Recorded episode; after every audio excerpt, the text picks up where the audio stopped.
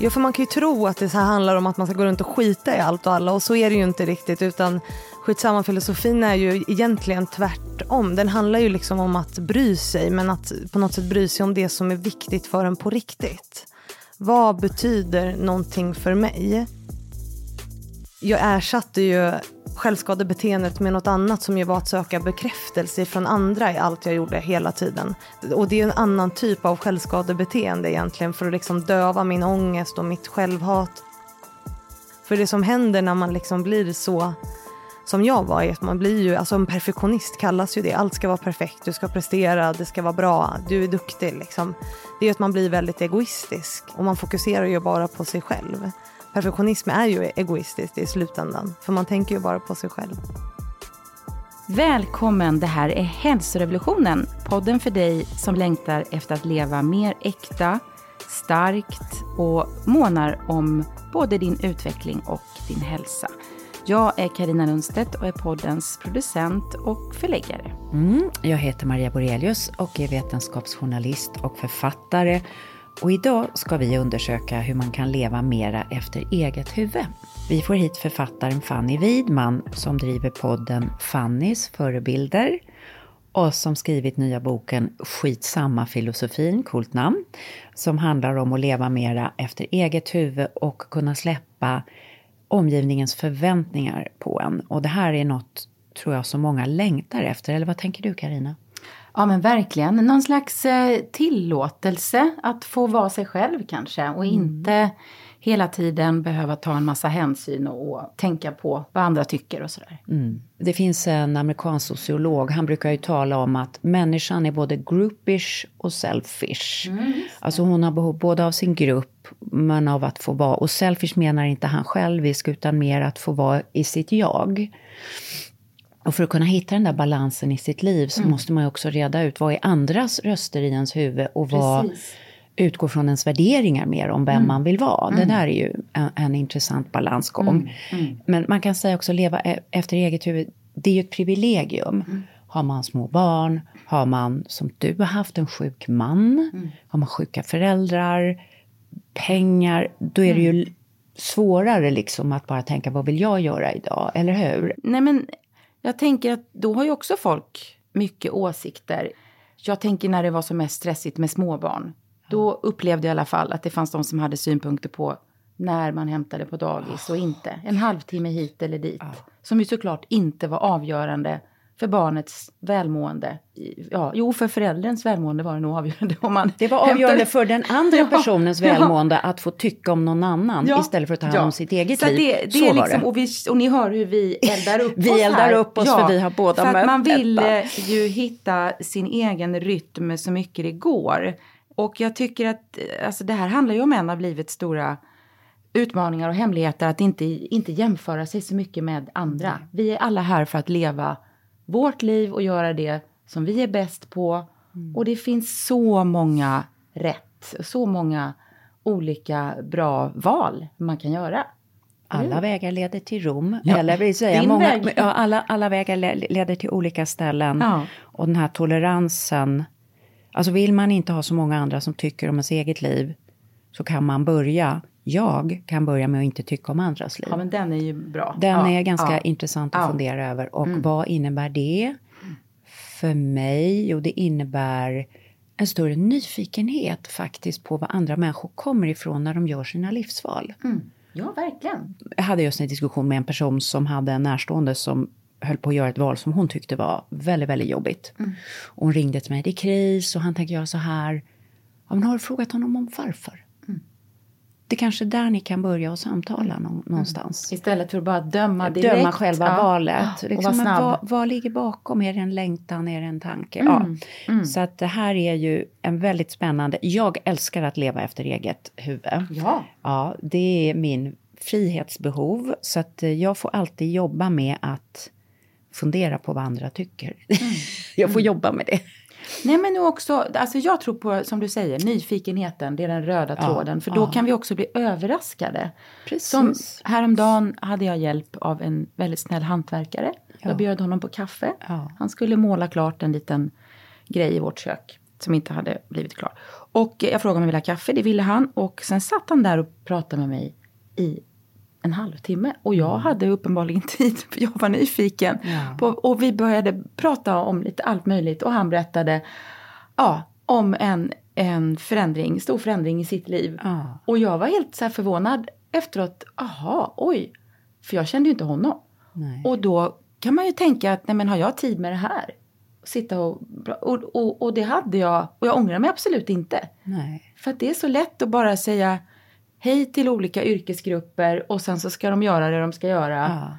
Och man går vidare. Ja. Och sen kan det finnas en trevlig människa där bakom. Så ja. Och, och det, så när man, när man som... hinner se personer en liten stund så tror jag oftast inte man ångrar sig. Mm. Och börjar de prata för mycket om man inte hinner, ja men då är det ju nästa, då får man ju gå tillbaks till sitt, okej, okay, jag måste jobba nu. Mm. Ha en jättebra dag, mm. eller vad man säger. Mm. Ja. Mm. Men det är ju hela tiden den, den, här balansen. Och jag tycker det är så spännande med det här ämnet vi ska tränga in mm. i idag. Det här, det här är, ja. Jag tror att det här som vi ska prata med Fanny Widman om är människans stora existentiella utmaning. Ja men precis, Faktiskt. precis så. Eh, jag, jag, jag, vet inte om Fanny har tänkt på det när hon har eh, kallat boken Skitsamma filosofin, mm. men jag tror att det här är den här liksom, axeln som går mellan mm. gruppen och jaget. Ja. Och var jag är och hur jag förhåller mig till ramverket. Och mina egna drömmar och mina egna känslor och värderingar. Mm. Så det ska vi undersöka och nu har vi fått in Fanny Widman i studion. Ja, här är jag.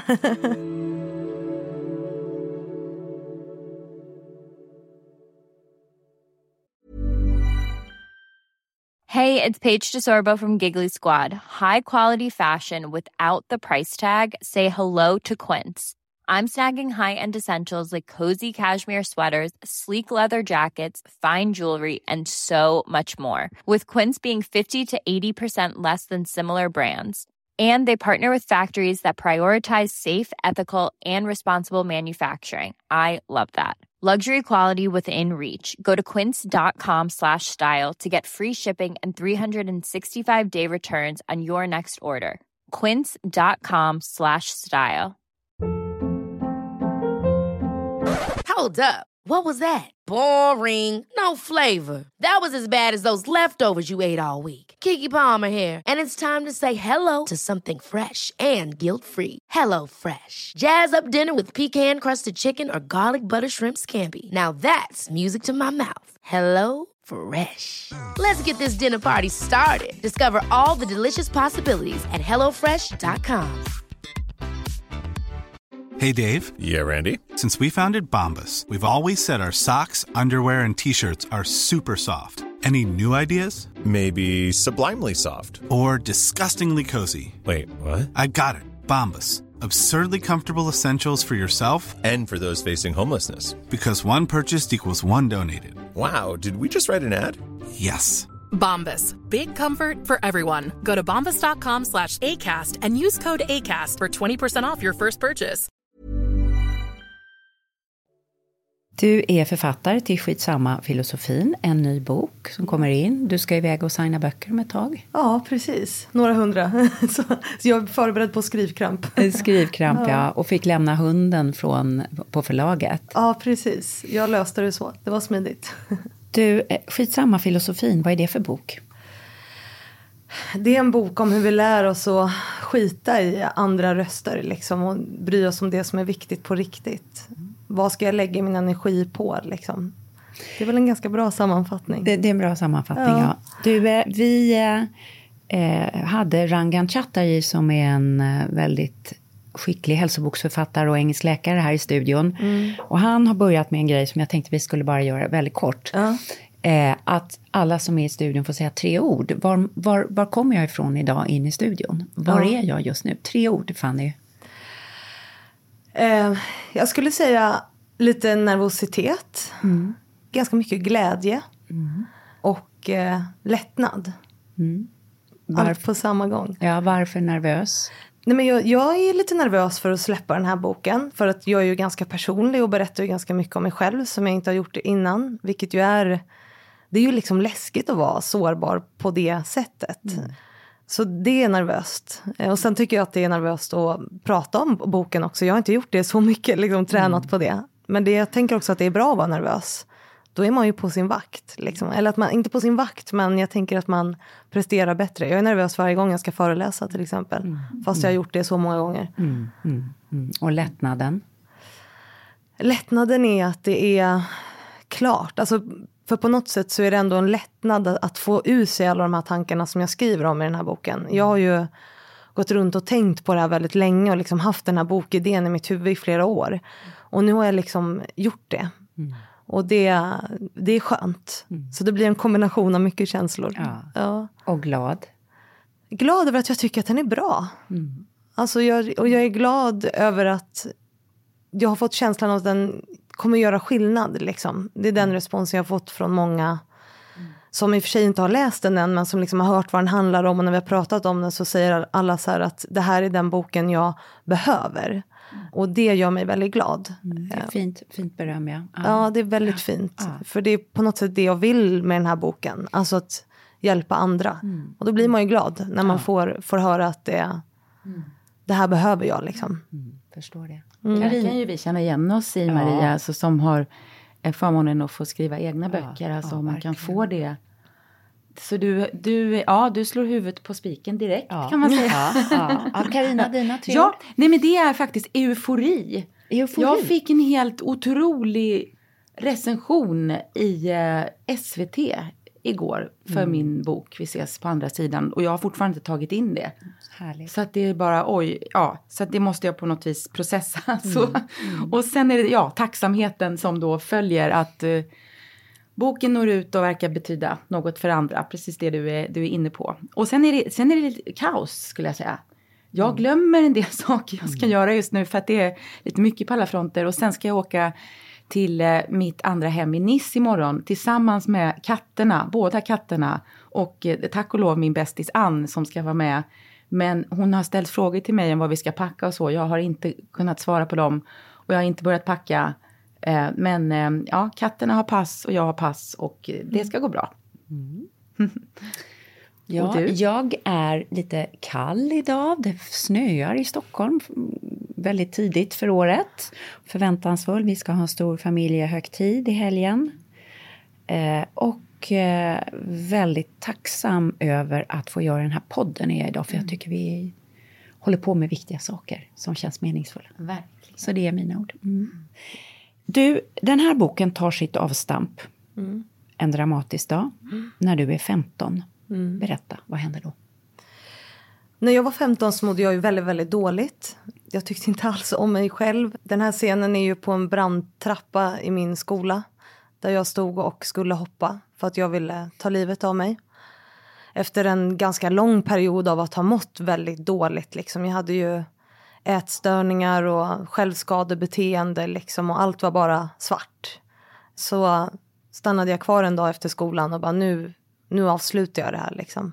Så att det är den mörka, hemska scenen som jag typ minns med minns halvt. Alltså den är halvt svart eh, samtidigt som den är väldigt, väldigt tydlig. Men jag skulle hoppa. Det var min plan. Och vad händer där då? Det som hände var att det var en lärare som såg mig, som kom ut från skolan. De hade lärarmöte och det visste inte jag. Eh, Så han kom ut från skolan och eh, såg mig då, stå där uppe. Och sprang ju upp då och kom ju med massa andra lärare och fick ner mig från den här brandtrappan liksom och tog in mig så att jag inte hoppade. Så att jag blev ju stoppad, vilket ju var tur i sig. Kan jag känna idag. tur att jag är kvar där och då kanske jag inte tyckte det men, men eh, de fick in mig där efter ett tag. Jag minns inte så mycket mer, det skriver jag också i boken, jag minns inte så mycket mer från den stunden. Jag kommer bara ihåg den här känslan när jag står där uppe och lyssnar på musik. Och liksom tittar ut över den här skolgården och bara nu ska jag äntligen få liksom avsluta det här. Och sen så kommer de och då ja, blir det svart. Jag kommer inte ihåg så mycket mer än att jag bara blev insläpad i skolan liksom. Gud, jag blir nästan lite så här, ja. Mm. Det, det, jag förstår att det väcker väldigt starka känslor och det gör det hos oss också förstås. Så från den förtvivlade, 15-åringen som står där högst upp på brandtrappan i skolan, till att nu ha skrivit en bok som heter Skitsamma filosofin. Det här är ju en lång resa. Ja. Så i korta drag, vad är det för typ av resa som du har gjort liksom från den kan vi säga, Stunden. stunden eller den, ja det är botten av en berg och dalbana, livets berg och dalbana, till att du sitter här och ska ge ut den här boken. Ja, alltså jag fick ju, fick ju hjälp till viss del. Så jag kan tycka att så samhället kanske svek mig lite, alltså i form av vilken typ av professionell hjälp jag fick med mina problem. Men jag tog mig ur det där på gymnasiet så fick, tog jag mig ur mina ätstörningar, liksom det här att uppenbara självskadebeteende, att jag, att jag skar mig och liksom, för jag höll på att skära mig över hela kroppen och sådär liksom. Men jag ersatte ju självskadebeteendet med något annat som ju var att söka bekräftelse från andra i allt jag gjorde hela tiden. Och det är en annan typ av självskadebeteende egentligen för att liksom döva min ångest och mitt självhat. Så det var liksom det som jag började med istället. Att jag började bara bekräfta mig, se mig, jag är en duktig flicka, satt längst fram i klassrummet och liksom fortsatte så där genom hela mitt liv utan att kanske förstå det själv. Och då tror jag att omgivningen och jag själv också kanske trodde att så här, nu mår hon bra, nu är hon frisk. Liksom. Och som sagt, jag trodde nog också det själv. Och jag gick inte runt och tänkte så här genom mitt liv till att jag blev nu i vuxen ålder, att jag liksom mådde dåligt. Jag insåg ju inte det själv förrän jag började fundera på de här sakerna ganska mycket liksom nu när jag skriver den här boken. Att shit vad jag mådde dåligt, vad jag aldrig tyckte om mig själv och hur mycket jag liksom behövde andras bekräftelse hela tiden. Så här, du är duktig, det här gör du bra, ser ni mig, hör ni mig, hallå, hela tiden. Så att resan har ju varit lång. Och sen så för att liksom må bra på riktigt så tror jag att det krävdes, eller jag vet att det krävdes att jag liksom släppte mig själv. För det som händer när man liksom blir så som jag var, är att man blir ju, alltså en perfektionist kallas ju det. Allt ska vara perfekt, du ska prestera, det ska vara bra, du är duktig. Liksom.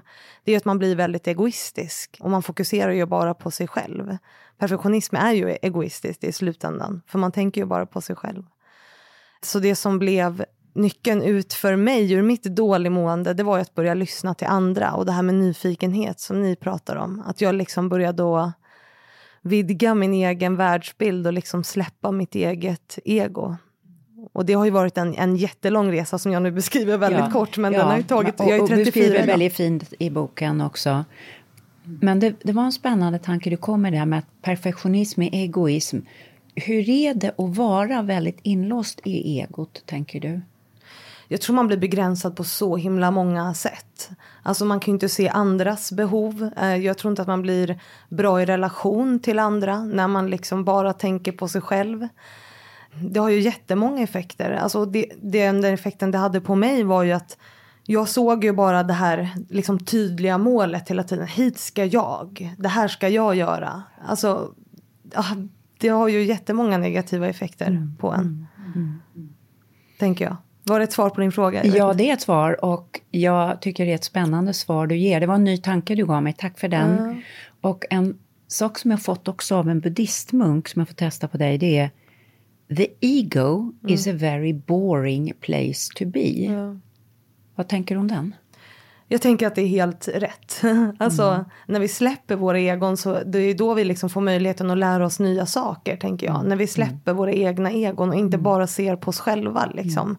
Och det är också så som jag har lärt mig om mig själv. Och det var ingenting jag reflekterade över själv så. För jag startade ju en podd och började intervjua framgångsrika kvinnor liksom. Och det gjorde ju jag ur ett egocentrerat perspektiv för att jag ville lyckas. Jag fortsatte ju med min så här perfektionism längs Vad var framgång då enligt kriterierna? Var det så här yttre kriterier? Ja, jag skulle bli marknadschef eller vd eller liksom tjäna massa pengar. Jag ville ha en fin titel. Det var liksom min, för det var det jag trodde var framgång på något sätt. Så det var ju det jag jagade när jag startade min podd. Så här, Hur lyckas jag som kvinna i näringslivet? Eh, och sen så längs vägen ändrades ju det där, liksom, utan att jag tänkte på det själv. Och sen fick jag ju en fråga från en, en affärskontakt som bara, men du är ju så trygg i dig själv och liksom självsäker, alltså du har bra självkänsla och bra självförtroende. Och jag bara, vänta nu så här, nej det har jag inte för jag har ju aldrig levt med tron om att jag har det. Och sen insåg jag att så här, jo men jag har nog ändå landat på den platsen där jag känner att men jag tycker om mig själv. Alltså när jag ser mig själv i spegeln så, ja, Nej men så här, och det är kanske ytligt men så här, jag är snygg. Eh, jag är nöjd med det jag gör på jobbet. Alltså, så här, och jag har aldrig i hela mitt liv tänkt så. Jag har aldrig sett mig själv i spegeln och bara ja men du är rätt bra. Du ser bra ut.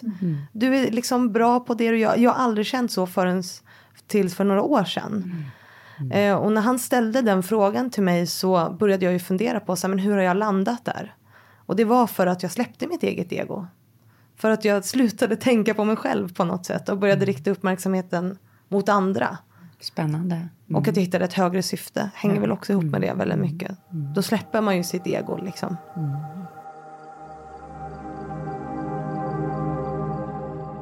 Skitsamma filosofin, om vi bara ska sammanfatta. För du har ju många pelare i den, eh, kan man säga. Eller, eller ben i skitsamma filosofin. Men, men kan du dra några så att vi bara får en inblick i hur du... Ja, för man kan ju tro att det så här handlar om att man ska gå runt och skita i allt och alla och så är det ju inte riktigt utan skitsamma filosofin är ju egentligen tvärtom. Den handlar ju liksom om att bry sig men att på något sätt bry sig om det som är viktigt för en på riktigt. Vad betyder någonting för mig? För när vi liksom vet det, då vet vi också varför vi gör saker. Varför gör jag det här valet i mitt liv? Eh, Då blir det lättare att skita i vad folk tycker om det. Och det tycker jag liksom är grunden i skitsamma filosofin. Att bry sig om det man tycker är viktigt och förstå varför gör jag vissa val i mitt liv. För då, då kan jag strunta i vad folk tycker om det. Då behöver inte jag lyssna på andras röster eller jämföra mig med liksom andra. Vad gör den? För att mitt syfte är det här. Och uppnår jag det genom det jag gör nu? Ja, absolut. Och det är viktigt för mig. När jag är grundad i det så, så kan jag tänka skitsamma på något sätt. Och att lyssna till sina värderingar och ständigt revidera dem. Liksom. Spännande. Ja. Jag kommer att tänka på, alltså nu har jag släppt mitt manus helt, men nu bara sitter jag och lyssnar. Det jag kommer att tänka okej. på början på Jerusalem som gör en underbar bok av Selma Lagerlöf. Mm. Har du hittat till henne? Nej, men det kanske jag ska göra då. Många hittar till henne så Mm. småningom. Ja. Men i alla fall, då är det en bonde som går och plöjer och han har ett stort problem. Han har en fru, förstår man efter ett tag. Hon sitter i fängelse. ja. Hon har, om jag minns rätt, dödat deras första barn på grund av någonting som man förstår är väldigt mänskliga skäl. Och hela by- bygden har snackat om det här och alla har skvallrat och så vidare. Nu ska hon släppas den här dagen ur fängelset. Och han går och funderar, vad ska jag göra? Ska jag fortsätta att skämmas för henne med byn? Eller, och i hans fall, han är väldigt religiös, ska jag göra det som Gud hade tyckt var rätt? Det är hans sätt att hitta värderingar. Och så går han och funderar och man vet inte vad han ska landa i för beslut. Men det slutar med att han tar den finaste vagnen han har, klär sig i de finaste kläderna han har. Och så åker han och sitter stolt liksom i vagnen med hästen och hämtar ut sin fru och kör henne rätt genom hela byn tillbaka till hemmet. Det är väl en skitsamma filosofi på Selma. Lagerlöfs sätt, eller? Absolut, det skulle jag hålla med om. Ja. Absolut. För han gick från det som var viktigt till slut. Liksom. Vad betyder något för mig? Vad betyder något för mig och vad kan jag stå för? Ja, precis. Det Du, gör vad, det ju lättare att stå för saker. Alltså så här, att stå upp för det man tycker är rätt. På något sätt. Om man, om man vet det. Men jag tänker att det liksom är... Vi går ju runt och jagar allt det här som alla andra. Så vi lyfter ju sällan blicken. Liksom. Och det är ju inte lätt i den värld vi lever i att liksom lyfta blicken. Eh, och skita i att jaga allt det här som alla andra har. På något sätt. och vad menar du vi jagar då, då som är tryckt på oss utifrån och som egentligen inte betyder så mycket? Du nämnde att bli marknadschef. Alltså, Ja, alltså det finns ju en bild av framgång och vad det är att vara lycklig. Alltså det gäller inte bara jobbet, att man ska liksom ha en fin titel eller tjäna massa pengar. Utan det handlar ju också om privatlivet. Så här, vi ska leva i tvåsamhet. Och det finns ju forskning som visar att så här, det premieras ju socialt och, och liksom juridiskt i samhället. Vi ska skaffa barn. Vi ska liksom, och vi tvingas ju in i alla de här grejerna hela tiden. Och så blir vi stressade av det och så kan vi liksom inte lyfta blicken och ställa oss frågan så här, vad vill jag egentligen? Det är ju supersvårt när det hela tiden trycks på oss och matas utifrån. Mm. Det finns ju så mycket så här, jag tycker vi matas varje dag av att bara så gör du bara det här så kommer du bli lycklig. Ha lite mer sex, skaffa lite bättre relationer, tjäna lite mer pengar. Alltså hur, vi blir ju alltid påminda om hur vi kan bli lite, lite bättre i allt vi gör.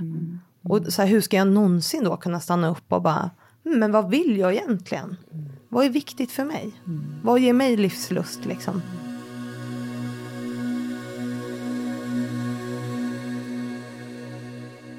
Du, om man känner då att man eh, är fast, kanske inte i alla de här grejerna, men är påverkad av många av de här yttre kraven på hur det goda livet, lägga till eh, ha ett fint hem, eh, laga bra mat, ta hand om sina släktingar, sina, åka på tjejhelg, killhelg.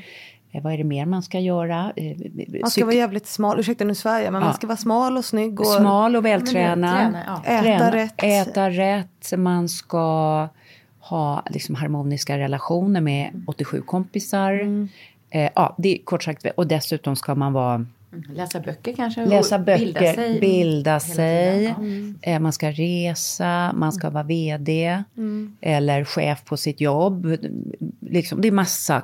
Vi skulle kunna rädda upp 50 grejer, eller hur? Ja. Men om man känner då, ja, kanske inte alla de där, men 20 av de där går jag igång på. Och så vill man, känner man att det kostar på, och så vill man liksom backa. Och då säger du att ta reda på vad man egentligen vill. Hur gör man ens det? Den frågan är ju svår för många. Ja, den är, ju, den är ju supersvår. Men jag tänker att inför varje sak man gör, inte så här går jag och köper mjölk eller vad jag nu tar på mig. Eller så här, vad har jag på mig idag? Det kanske man inte behöver tänka så mycket på. Säg inte det. det kan vara jättestort när man har så garderobslåsning. Ja, i och för sig. Ja, men, du förstår vad jag menar. Alltså, så, Ja. men jag tänker att man... Men för vissa är det en jättestor grej. Jag känner folk som ägnar så här, tre timmar söndag eftermiddag åt att planera varje outfit för veckan och hänger upp på galgar. Ja, Det är ändå en lite smart strategi för då sparar man ju på stressen sen. Ja, jag jag, jag dömer ingen. Jag bara säger att det, det, det, det kan ta mycket tid i folks liv. Inte i mitt liv, men men, nej. Nej, inte mitt heller så Nej. mycket faktiskt. Men jag tänker att man alltid behöver ställa sig frågan varför man gör vissa saker. För mycket går ju per automatik. Och när man börjar, alltså nyfikenhet är som ni var inne på innan, jag säger det igen, men det är ju nyckeln till mycket. Och så man måste vara nyfiken på sig själv och andra. Men om jag hela tiden ställer mig frågan varför gör jag det här? Bra. Då kan du ge något konkret slut- exempel? Som vi, vi tar garderobsexemplet, för, för det är väldigt praktiskt. Jag känner att jag varje söndag eftermiddag behöver stå tre timmar och göra outfits för veckan. Vad skulle ett... Det kanske är viktigt för vissa. Vad skulle ett rimligt varför kunna vara där? Eh, ja, men som Karina sa, kanske att spara tid. Spara tid, ja. Nej, men jag tänker det där hade varit något för mig. Du blev sur. då, ja, men därför att jag Hon behöver lite mer ibland strategi, Mm. alltså lite mer grund så. Eh, för då, då kan jag surfa liksom på mer på i morgon eh, eh, rusningen där. Och, och, eh, men sen är jag inte riktigt så strukturerad. Men, men eh, jag tror att det kan vara en grundplan. Men sen är det ju, det gäller ju att inte överdriva det då. Så att det blir att det, precis. Alltså jag hittade ett bra skäl till det. Det är att använda större del av sin garderob. Och därmed köpa mindre nya kläder. För att man shop your own wardrobe. Alltså att man använder, och det är miljövänligt. Och det kan man tycka är en viktig värdering. Sen kanske man har ett jobb där det är väldigt, väldigt viktigt för en att se väldigt prydlig ut hela tiden. Och, och jobbet är viktigt för en. Ja, jag vet inte. Jag, Nej, nej men det du är inne på nu, det är, för det finns ju inom psykologin så finns det ju något som heter självbestämmande teorin som liksom beskriver så här, vad, vad styr de valen vi gör i livet. Och där, finns, där beskriver man ju tre drivkrafter som är, det är lite du är inne på nu, det är ju syfte. Alltså finns det ett högre syfte med det jag gör? Finns det potential i det jag gör? Alltså det jag lägger tid på nu, kan det utvecklas till någonting annat? Det kan ju det vara är till... åtta timmar varje söndag. Nej men, nej, men det kan ju vara till, Till en exempel... business. Säg så här, det kan ju vara att du fyller i en tidrapport på jobbet, säger vi. Alltså, n- det är skittråkigt. Men jag gör det för att det finns potential i det. Alltså, jag får min lön. Liksom. Just det. Eller är det någonting som är liksom kul att göra? Det är de tre drivkrafterna. Alltså syfte, potential. Eller är det kul och liksom roligt att utföra? Ja, och det kan du göra för en del. Ja. Ja. Ja. Och, och, och, och det kan man ju fundera bra. på med saker som man gör genom sitt liv. Så här, lever det här upp till någon av de här drivkrafterna, ja eller nej? Ja. Är svaret nej, skit i det då. Potential Alltså, och lust, ja. ja. Ja. men jättebra. det är ett ganska liksom, konkret verktyg på något sätt. Har du något eget exempel på när du i ditt liv har tittat på någon vana du har och dissat den efter att den har gått igenom den här testen? Oj, vad svårt. Gud, vad svårt. Du har valt bort barn till exempel. Ja, det har jag gjort. Men det är ju mer ett val. Det är ju ingen grej man gör så här till vardags, tänker jag. Men jag har ju valt bort, eller valt bort barn är också, jag har ju landat i en inställning när det kommer till barn att så här, lite skitsamma, det blir som det blir. Jaha, liksom. okej, så det är inte ett medvetet och missförstod jag lite hur du hade tänkt i Nej, boken? utan när det kommer till barn så tänker jag så här, jag har ingen längtan efter det just nu att jag säger gud jag måste skaffa barn. Det jag bestämt mig för när det kommer till just barn, det är att här, jag vill inte låta det styra mitt liv. Alltså att, att leva med den stressen som jättemånga kvinnor gör. Så här, nu måste jag träffa en partner, nu måste jag göra det här, jag måste skaffa barn för nu är jag 34 år. Jag vill inte hamna där. Utan jag vill så här, ja men om jag träffar någon som jag vill ha barn med, ja men då kanske jag gör det. Men jag kommer inte jaga någon för att jag vill ha barn. Alltså, förstår ni? Det är en ganska stor precis. skillnad på inställning i det. Jag förstår, precis. Mm. det blev nå- nu blev det något annat. Men... Nej, nej, nej, nej, men eh, jag hör dig. Jag Ja. förstår.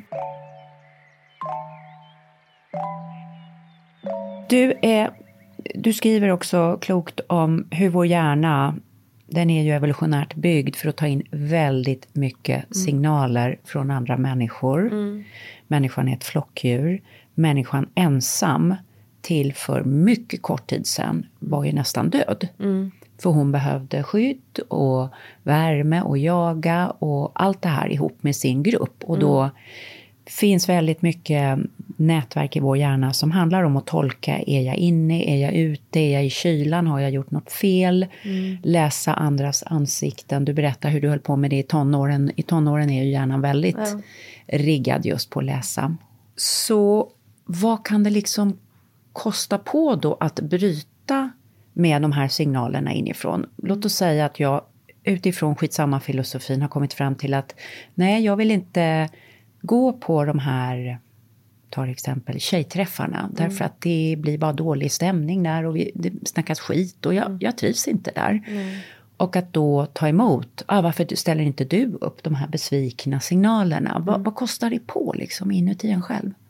Jag, jag tänker att om man har bestämt sig för att det inte är viktigt för mig. Alltså förstår om jag har landat i så här, det här tar energi av mig. eh, Det är inte viktigt för mig att gå på de här tjejträffarna.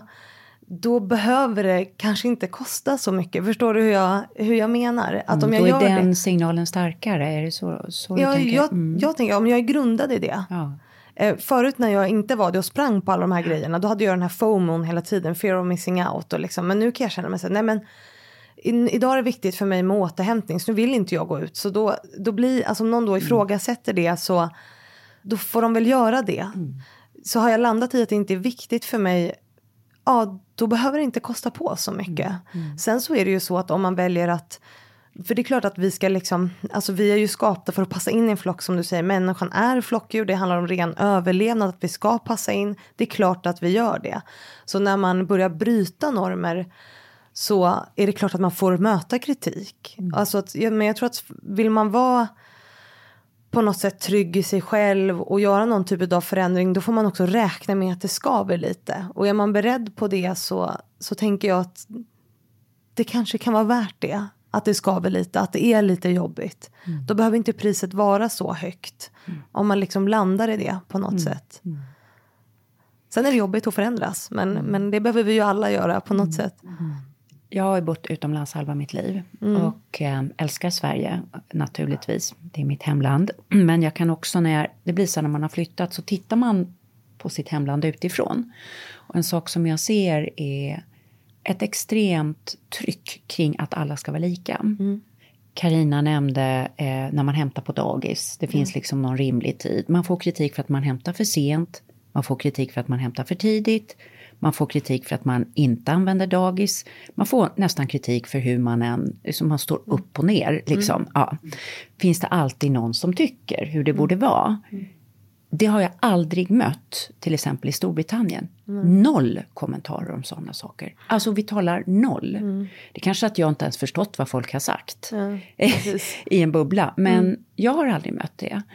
Så min fråga blir om det är svårare liksom att få stå efter sitt eget huvud i Sverige. Nu bor ju du i Sverige och har kanske inte sett det här som jag liksom beskriver. Men vad tänker du om det? Är, är det här ett extra hårt land att vara sin egen i? Jag tycker att vi har byggt ett, en sån värld, absolut, och vi har byggt ett sånt system. Och det var ju insikten om det som fick mig att så här, jag kan lika gärna skita i vad folk tycker för folk kommer ändå alltid tycka något om det jag gör. Eh, Jag ska alltid passa in i någons mall. Eh, väl, som du säger, väljer det ena, ja då kommer det vara då kommer det vara fel. Eh, och jag gör det andra så kommer det också vara fel. Vi har ju väldigt, väldigt strama ramar och det håller jag med dig om. Eh, och det var ju den insikten som fick mig att tänka skitsamma. Och jag tänker också att skitsamma filosofin är ett verktyg att komma åt den där världen på något sätt. Alltså jag, jag har inte liksom lanserat någon lösning för alla världsproblem. Men jag tror att ju fler som liksom vågar bryta de här normerna desto mer så kommer vi ju liksom göra det lättare för andra att tänka skitsamma. Sådana som kanske är mindre privilegierade än vad vi själva är. Människor med makt har ju ett jätteansvar att liksom skapa en bättre värld. Och tänka skitsamma, för det är mycket lättare. Det är mycket lättare för mig att tänka skitsamma än till exempel en utrikesfödd kvinna. Därför att hon har ju flera lager liksom att ta hänsyn till. Men om jag tänker skitsamma så kommer det bli lättare för henne att göra det också. beror på vilken kultur. Jag jobbar ju mycket med invandrade kvinnor och eh, har startat en stiftelse. Och vad jag har lärt mig där, att man kan inte prata om det som en grupp. Utan det beror ju på om man kommer från såklart. samhällen med väldigt starka ja, klanstrukturer. Där är ju individens röst väldigt svag och gruppen är väldigt stark. Medan kvinnor som kom från till exempel Vietnam har inte alls den kulturen. Så det är också väldigt skillnad tror jag på vilken typ av samhälle man kommer ifrån. Men, eh, och det är också, alltså vad jag tänker, att lösningen på det här ligger ganska mycket i ens diplomatiska förmåga. Därför att det är ju via den man kan hantera jag vill inte komma på tjejträffen, men att tacka nej till den på ett sätt som faktiskt inte skaver så himla mycket utan bara blir lite lugnt. Eller har jag fel i det? Hur menar du då? Alltså att, Jag menar, det är en väldig skillnad om jag säger så här, jag har inte lust att komma på tjejmiddagen, ni sitter bara och sladdrar. Nej. Eller om det heter, jag behöver tid för återhämtning ikväll, hoppas ni får en jättetrevlig kväll. ja. De två sakerna leder till exakt samma sak, jag går inte dit, men skapar helt olika Känslor ja. Kommunikation. kommunikation. inte är ju lägga din skuld, käpphäst, inte, lägga liksom bara slänga ur sig något och som får, folk får tolka, utan hjälpa till med liksom förklaringen. Förklara, Så. ge Ja. jag-budskap. Jag Ja. behöver återhämtning. Hoppas ni får det bra. Absolut. Va, va, är det en orimlig tanke eller vad tänker Nej, du? jag tycker att det är en superrimlig tanke. Mm. Eh, och att sätta sina egna gränser för vad behöver jag. Mm. Liksom. Och det är ju det är superviktigt. ja. Men jag tänker också att man behöver inte gå ut och bara nej ni är dumma huvudet så jag tänker inte komma. Nej. Det är ju inte en särskilt bra strategi. I, i, nu jag. hårdrog jag det Nej, hela men jag, liksom. nej men jag ja, förstår för att- och det gjorde jag också. Alltså Ja. liksom så det är ju inte en särskilt bra kommunikationsstrategi att lägga över det på andra. Nej. Eh, för det kan man ju inte. Jag kan inte lägga över ansvaret på mitt tjejgäng att de snackar skit. Alltså det är klart att man kan ta det snacket. Jag upplever att vi liksom kanske pratar lite mycket skit här. Men det enda som man kan ta ansvar över det är hur man själv förhåller sig till det. Och vad gör jag av det? Nej men jag, då kan man säga jag behöver återhämtning eller så här, just nu. Ta ansvar för sig själv och inte alla andra. Det är ju superviktigt. Tänker jag. Ja, men det, det handlar just om det här med att leda sig själv som det Mm. Har pratats mycket om nu under ett antal år. Allt från liksom självkärlek, self-love, self-leadership, så. Massa begrepp som flyger omkring. Eh, men det gäller ju just tror jag att reflektera kring dem. Vad betyder det för mig? Så att man inte också bara gör, ja, det är inte alla som ska ligga på en yogamatta, även om det kan funka för många. Så, så jag tror du är inne på, alltså återhämtningen, det är ju så många som slarvar med den. Och den leder ju i sin tur till reflektion. När du får ett litet fönster av, så, här är en paus. Och om du inte bara fyller det då med tv-serier eller planlöst surfande eller tokstäda hela lägenheten. Det, det kanske kan vara bra. Men att du går in lite i det här tomrummet som när man skapar en paus. Jag brukar gå ut och springa. Det hjälper mig jättemycket. Det är ju ett... eh, Jätte, du springer ju också mycket Maria. Så. Ja, jag springer, eh, jag tycker det är väl skönt och, och just i naturen. Så, Och är du, du är i naturen också? eller? Nej, jag springer jag bor ju i stan så att jag springer ju eh, liksom i stan. Men, men eller ja, runt Kungsholmen så det är ju lite och men det är ju underbart, det är ju en fantastisk löprunda. Jag bodde på Kungsholmen Ja, det är så skönt. Och det är ju, det, man kommer ju in Så i något så runners high efter ett Ja. tag när hjärnan bara stänger av. Eller den stänger inte av, den blir väldigt fokuserad på något sätt. Jag älskar det. Då är jag som bäst på att reflektera faktiskt. Har du skrivit boken så i... Ja, i delvis ja. i delvis, jag ja. sp- sprang väldigt mycket den här sommaren kan jag säga. När jag skrev klart boken då bara mm, jättemycket rensa tankar. Ja. Du, du skriver eh, intressant och klokt. Eh, styrka är att våga ta en risk. Att bli idiotförklarad, möta motstånd, möta andras ilska eller tystnad. Eh, ses kvinnors risktagande på annorlunda sätt än mäns? Ja, alltså allt som jag skriver om i min bok är ju svårare för kvinnor. Alltså, det är svårare för kvinnor att tänka skitsamma. Därför att ramen är mycket stramare för kvinnor i samhället. Så att mitt korta svar är ja. det är som kvinna mycket svårare att skita i vad andra tycker. För du har ju utseendenormer, du har ju du har ju en bild av framgång som liksom, alltså det här att vara en ledare och liksom, om vi pratar jobbet så är ju det att så här, det är ju en bild som är väldigt lik vad det är att vara man utifrån könsnormer. Medan kvinnor liksom sticker ut ifrån den. Så att det som jag skriver om i min bok är svårare för kvinnor generellt. Och den som tar risker riskerar ju också att gå på pumpen. Eh, Det är ju själva definitionen av en risk. Så hur hanteras... Tar man risker för att man vill pröva nya sätt att leva så kommer saker hända också. Har, man, har man aldrig haft något misslyckande har man aldrig tagit en risk heller. nej. Så hur hanterar man det då på ett smart sätt eller bra sätt enligt skitsamma-filosofin? Du skriver om det.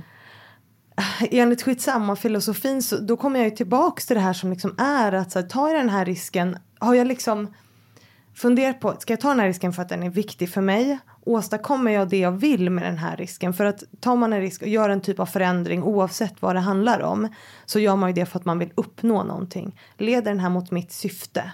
Ja, gör den det, då kan jag skita i vad folk tycker om det. Och liksom på något sätt vara motiverad i det. Eh, gör den inte det, då kan jag ju strunta i den risken på något sätt. Förstår du hur jag menar? Att jag tänker att det, det är det jag ständigt kommer tillbaka till. Alltså, så varför gör jag saker? Oavsett om det är en risk. Om jag skaffar barn, om jag träffar en partner, om jag så här, uppnår det här mitt syfte. Vad vill jag? Vad är viktigt för mig? Då blir ju allt det där lättare på något sätt. Då blir ju outcomen mindre viktig än själva drivkraften in i. Mm, intressant. Och tänker jag att man behöver träna på generellt att så här, ta ett kliv tillbaka från sina egna känslor och se på sig själv med ett, i ett helikopterperspektiv på något sätt. Det har jag tränat, för jag är en känslomänniska. Jag blir ju, kan ju bli arg och ledsen och du vet så, men jag har tränat väldigt mycket på att inte agera på det direkt utan att ta ett kliv tillbaka och bara varför känner jag så här nu? Om jag till exempel blir kränkt eller om jag tar en risk och folk säger så här jag har ett exempel så här, där jag liksom struntar i vad folk tycker och, och sådana saker. Det är att jag har en, en gala eh, där som statsministern ska inviga i november. Eh, som är mot mäns våld mot kvinnor. Eh, och då, det här visste jag ju skulle hända. Att folk skulle börja kritisera det väldigt mycket. Eh, I och med att folk kanske, många kanske inte står för hans politik och sådana saker. Att de tycker att han har ingen jämställdhetspolitik. Så varför ska han vara där? Jag fick jättemycket kritik för det.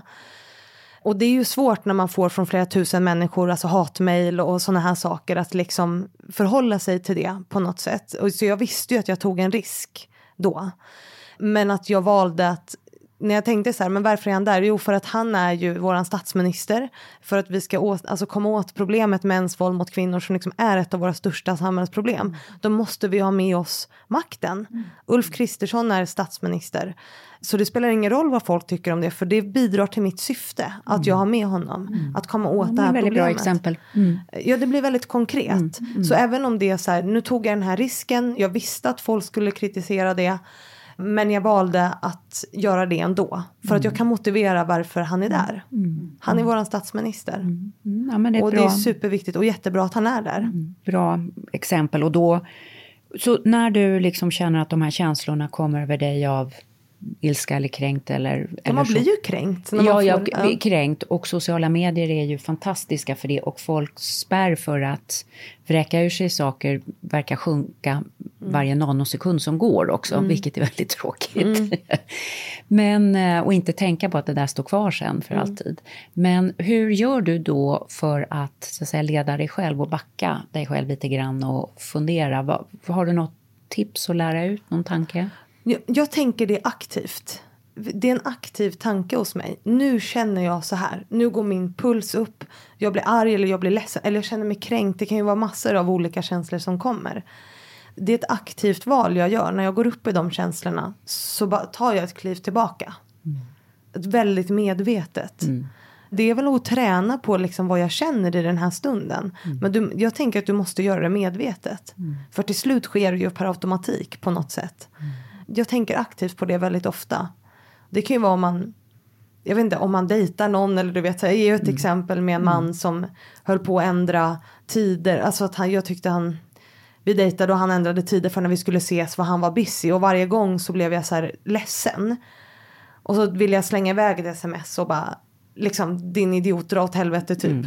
alltså när man blir arg eller känner sig sårad.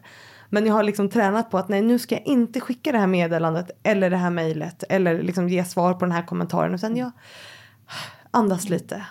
Och så vad vill jag säga? Bra, då säger jag det. Men det är ju, det, man måste ju vara väldigt medveten om det. Hur man förhåller sig till sina känslor. Bra. Jag fick, jag fick ett, um, i tillägg till det du berättar Fanny, av en uh, vän till mig som är organisationskonsult och jobbar med att utveckla människor. Hon är supercool, handlar om att bygga vinnarteam, norska. Hon sa, när man, om man vet med sig att man är lite känslostyrd, som många är, så kan man föreställa sig att det problem som man går igång på är ett litet djur som kommer gående över vägen. Och då ska man tänka, är det en liten mus? Ja, det kanske är lite större, det kanske är en katt.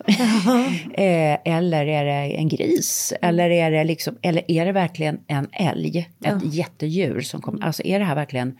Nu är det livshot. Det brinner i huset. Liksom. Någon jag älskar är superskadad, ligger på sjukhus. Det är ju en älg, va? Det är, nu, nu är det fara. En björn. En björn. Tiger, ja. Tiger, liksom. Och då kanske det här smset kanske är en liten myra ändå. Eller hur? Vad, vad säger du om den djurmetoden? Det var väldigt bra, eh, det var en väldigt bra. Ja, för hon sa då börjar man att skratta lite för sig själv också. Ja. Liksom. Ja, men- det här var nog bara en liten liksom, mask. Ja, det, det var nog bara en liten snigel som En tog sig förbi där. Eller som- någonting så. Jag tyckte om snigeln där. Ja. Eller myran. Men ja, absolut. Att liksom konkretisera det, Eller göra det till en visuell bild. En bild sätt. av- Vad ja. ser jag framför mig? Vad, vad är det här för något? Ja. Ja, Du, det, man skulle kunna prata med dig hur länge som helst Fanny. Mm. Klok som en pudel, 34 år bara. Eh, du, vad hoppas du nu? Nu ska du iväg och signa alla dina hundratals böcker och den här ska gå ut och människor ska läsa och fundera och studsa det här mot sina egna erfarenheter och liv. Mm. Eh, vad, vad hoppas du att det här ska väcka i dina läsare? Känslan av att man ska stanna upp och börja fundera på så här, vad är viktigt för mig? Alltså, jag, jag hoppas att det är det som den kan bidra till. För jag tror att det kan underlätta så mångas liv att faktiskt göra det. För jag kan bli lite så här ledsen och sorgsen över när man ser hur många människor som liksom jagar det här som alla andra har och att man liksom kanske inte går runt och tänker på att man är ett, en del av ett system som liksom är riggat för misslyckande från början på något sätt. Så att man inser att det finns ingen som lever upp till alla höga krav. Det finns ingen som klarar av allt det här som vi ska klara av. Det är liksom omöjligt. Så man liksom landar i insikten om att ja, men jag, det går inte att göra alla nöjda. Det är helt omöjligt. Det går inte. Så ta sig tiden och bara så här fundera, stanna upp, reflektera. Det hoppas jag att den kan väcka lite eftertanke om den världen vi lever i. Fanny, varmt lycka till med din bok och tack för att du ville komma hit. Tack. Och lycka till med podden, lycka till med din gala. Ja, Ja. tack för att jag fick komma hit. Det var fint. Tack så jättemycket. Tack.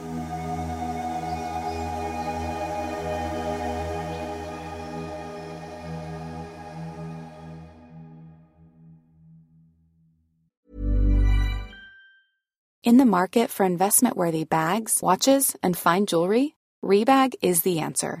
Rebag is a luxury resale platform where each piece is carefully inspected by experts to ensure quality and authenticity. Use Rebag to buy and sell finds from the world's top brands, including Louis Vuitton, Chanel, and Cartier. Head to Rebag.com and get up to 15% off your first purchase as a member with code REBAGNEW. Shop today at Rebag.com. That's R E B A G.com. And use promo code REBAGNEW for up to 15% off your first purchase as a member. Mom deserves the best, and there's no better place to shop for Mother's Day than Whole Foods Market. They're your destination for unbeatable savings, from premium gifts to show-stopping flowers and irresistible desserts. Start by saving 33% with Prime on all body care and candles. Then get a 15-stem bunch of tulips for just $9.99 each with Prime. Round out Mom's menu with festive rosé, irresistible berry chantilly cake, and more special treats. Come celebrate Mother's Day at Whole Foods Market. Hold up. What was that? Boring. No flavor. That was as bad as those leftovers you ate all week. Kiki Palmer here, and it's time to say hello to something fresh and guilt-free. Hello Fresh. Jazz up dinner with pecan-crusted chicken or garlic butter shrimp scampi. Now that's music to my mouth. Hello Fresh. Let's get this dinner party started. Discover all the delicious possibilities at hellofresh.com.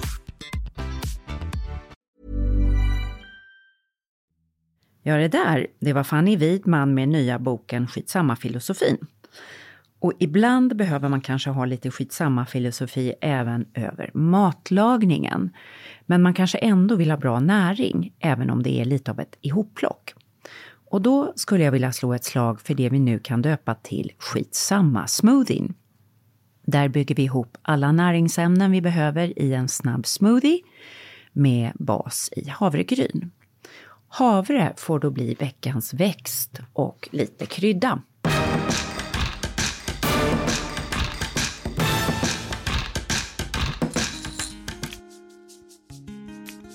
Människan och havret har en gammal historia. Man har hittat bevis i södra Italien i 32 000 år gamla lämningar för att människan ätit vild havre och det verkar som man då har stött det till någon slags mjöl och gjort gröt eller bröd från.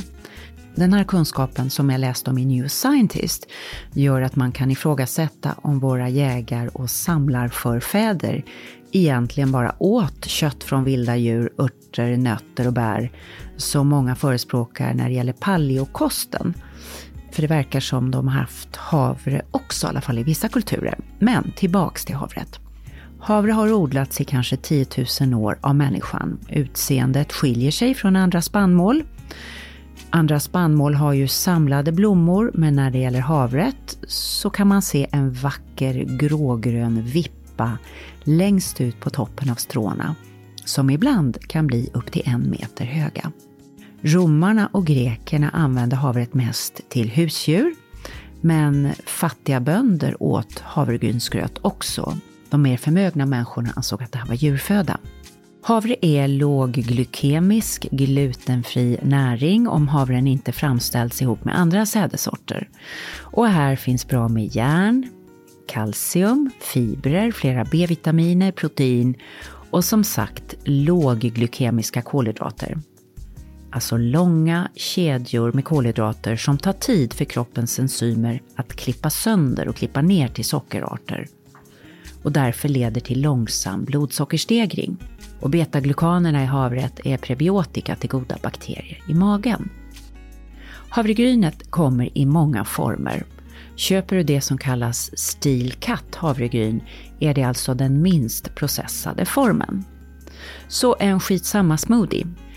Ta en deciliter havre, blanda med ett glas mandelmjölk, en näve spenat, ett halvt äpple, en skopa veganskt proteinpulver och så en halv tesked kanel. Mixa och njut! Ja, det här kanske inte är en smoothie du lägger ut på Instagram, inte världens vackraste i färgen. Men det här är superenkelt, täcker alla näringsämnen, det är låglykemiskt, glutenfritt och det är väldigt snabbt. En skitsamma smoothie helt enkelt. Alltså skitsamma, smoothien, ja. där, där har vi det. Jag har ju kommit ur mina smoothie-rutiner ja, lite, ja, vilket stör mig. Så att nu ska jag försöka tänka lite friare. Ös ner. Ja. Ös ner grejer du gillar. Precis som när man gör soppa också, som vi ju älskar. Ja. Och, och nu när det börjar bli Ja. kallt på riktigt. Ja. Ja. Ja, nej men det här var ju ett eh, jättefint samtal med Mm. eh, Fanny och, och jag hoppas att många blir nyfikna på hennes perspektiv och Mm. hennes bok. Det blir så värdefullt tror jag för andra när man, eller när vi, jag, får möta människor som har gjort den här typen av resor. Mm. För det blir liksom inte bara något mantra och saker som sägs utan det bottnar i djup egen upplevelse. Mm. Eller hur? Du som just har skrivit bok om din egen resa med Anders. Jo, men det, exakt. Det, det skapar ju en trovärdighet och, man, och, och, och i Fannys fall så kan man ju se den här då unga Fanny som liksom inte trodde att det fanns någon utväg. Och det är ju, man vill ju bara krama henne. Absolut. Och tack, tack till den lärare, och, ja, att de tog hand om Fanny där och att hon sen kunde hitta vägen och sitter här idag, 34 år gammal, med så mycket klokskap. Ja, verkligen. Det är ett jättefint sätt att sluta. Tack, tack, tack till alla lärare som varje dag Ja. hjälper barn med kunskap och tillväxt och, och, och räddar människor. Jag har Ja. hört om flera sådana här fall. Ja. Så vi slutar kanske där. eh, Och ja, jag ska ta med skitsamma ingredienser till dig nästa gång vi ses. Så kan du liksom Ja. börja Varför komma då? tillbaka till att bli en smoothie-tjej, Carina. Ja, alltså jag är ju det eh, egentligen. Ja. Men det är att jag har ju förmåga att, att liksom halka ur mina rutiner. Ja, men Som- du gillar som- ju havregryn. Ja, men nu har det varit någon, någon havregrynspaus här. Ja. Tror jag också lite efter glukosgudinnan som Ja, liksom satte ja. det i perspektiv. Men lagom är bäst. Ja, och det som är bra med den här är att man, den här kan man äta dygnet runt. Ja. Det här kan vara en middag också. En skitsamma middag. Alltså, det är ju bra, sådana här man- genvägar. man Ja, inte genväg. Man liksom kommer hem lite sent och det här är ofta grejer man har lite hemma. Mm. Eh, och så bara vevar man ner allt och kör på. Ibland behöver livet få vara så också. Det måste få vara enkelt och lätt ibland. Och att ni lyssnar på oss betyder så mycket. Det, vi är så fulla av tacksamhet och ni följer oss på Instagram kanske. Och annars så kan ni kika in där, där heter vi halsorevolutionen understreck podcast.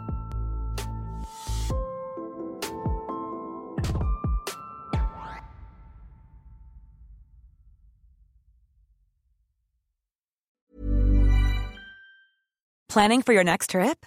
Elevate your travel style with Quince. Quince has all the jet setting essentials you'll want for your next getaway, like European linen, premium luggage options, buttery soft Italian leather bags, and so much more. And is all priced at 50 to 80% less than similar brands. Plus, Quince only works with factories that use safe and ethical manufacturing practices. Pack your bags with high-quality essentials you'll be wearing for vacations to come with Quince. Go to quince.com slash pack for free shipping and 365-day returns. This message comes from BOF sponsor eBay. You'll know real when you get it. It'll say eBay Authenticity Guarantee. And you'll feel it. Maybe it's a head turning handbag, a watch that says it all, jewelry that makes you look like the gem, or sneakers and streetwear so fresh every step feels fly. eBay gets it. So look for the blue check mark next to that thing you love and be confident that every inch, stitch, sole, and logo is checked by experts. With eBay Authenticity Guarantee, you can trust that feeling of real is always in reach. Ensure your next purchase is the real deal. Visit eBay.com for terms. Mom deserves the best, and there's no better place to shop for Mother's Day than Whole Foods Market. They're your destination for unbeatable savings, from premium gifts to show-stopping flowers and irresistible desserts. Start by saving 33% with Prime on all body care and candles. Then get a 15-stem bunch of tulips for just $9.99 each with Prime. Round out Mom's menu with festive rosé, irresistible berry chantilly cake, and more special treats. Come celebrate Mother's Day at Whole Foods Market.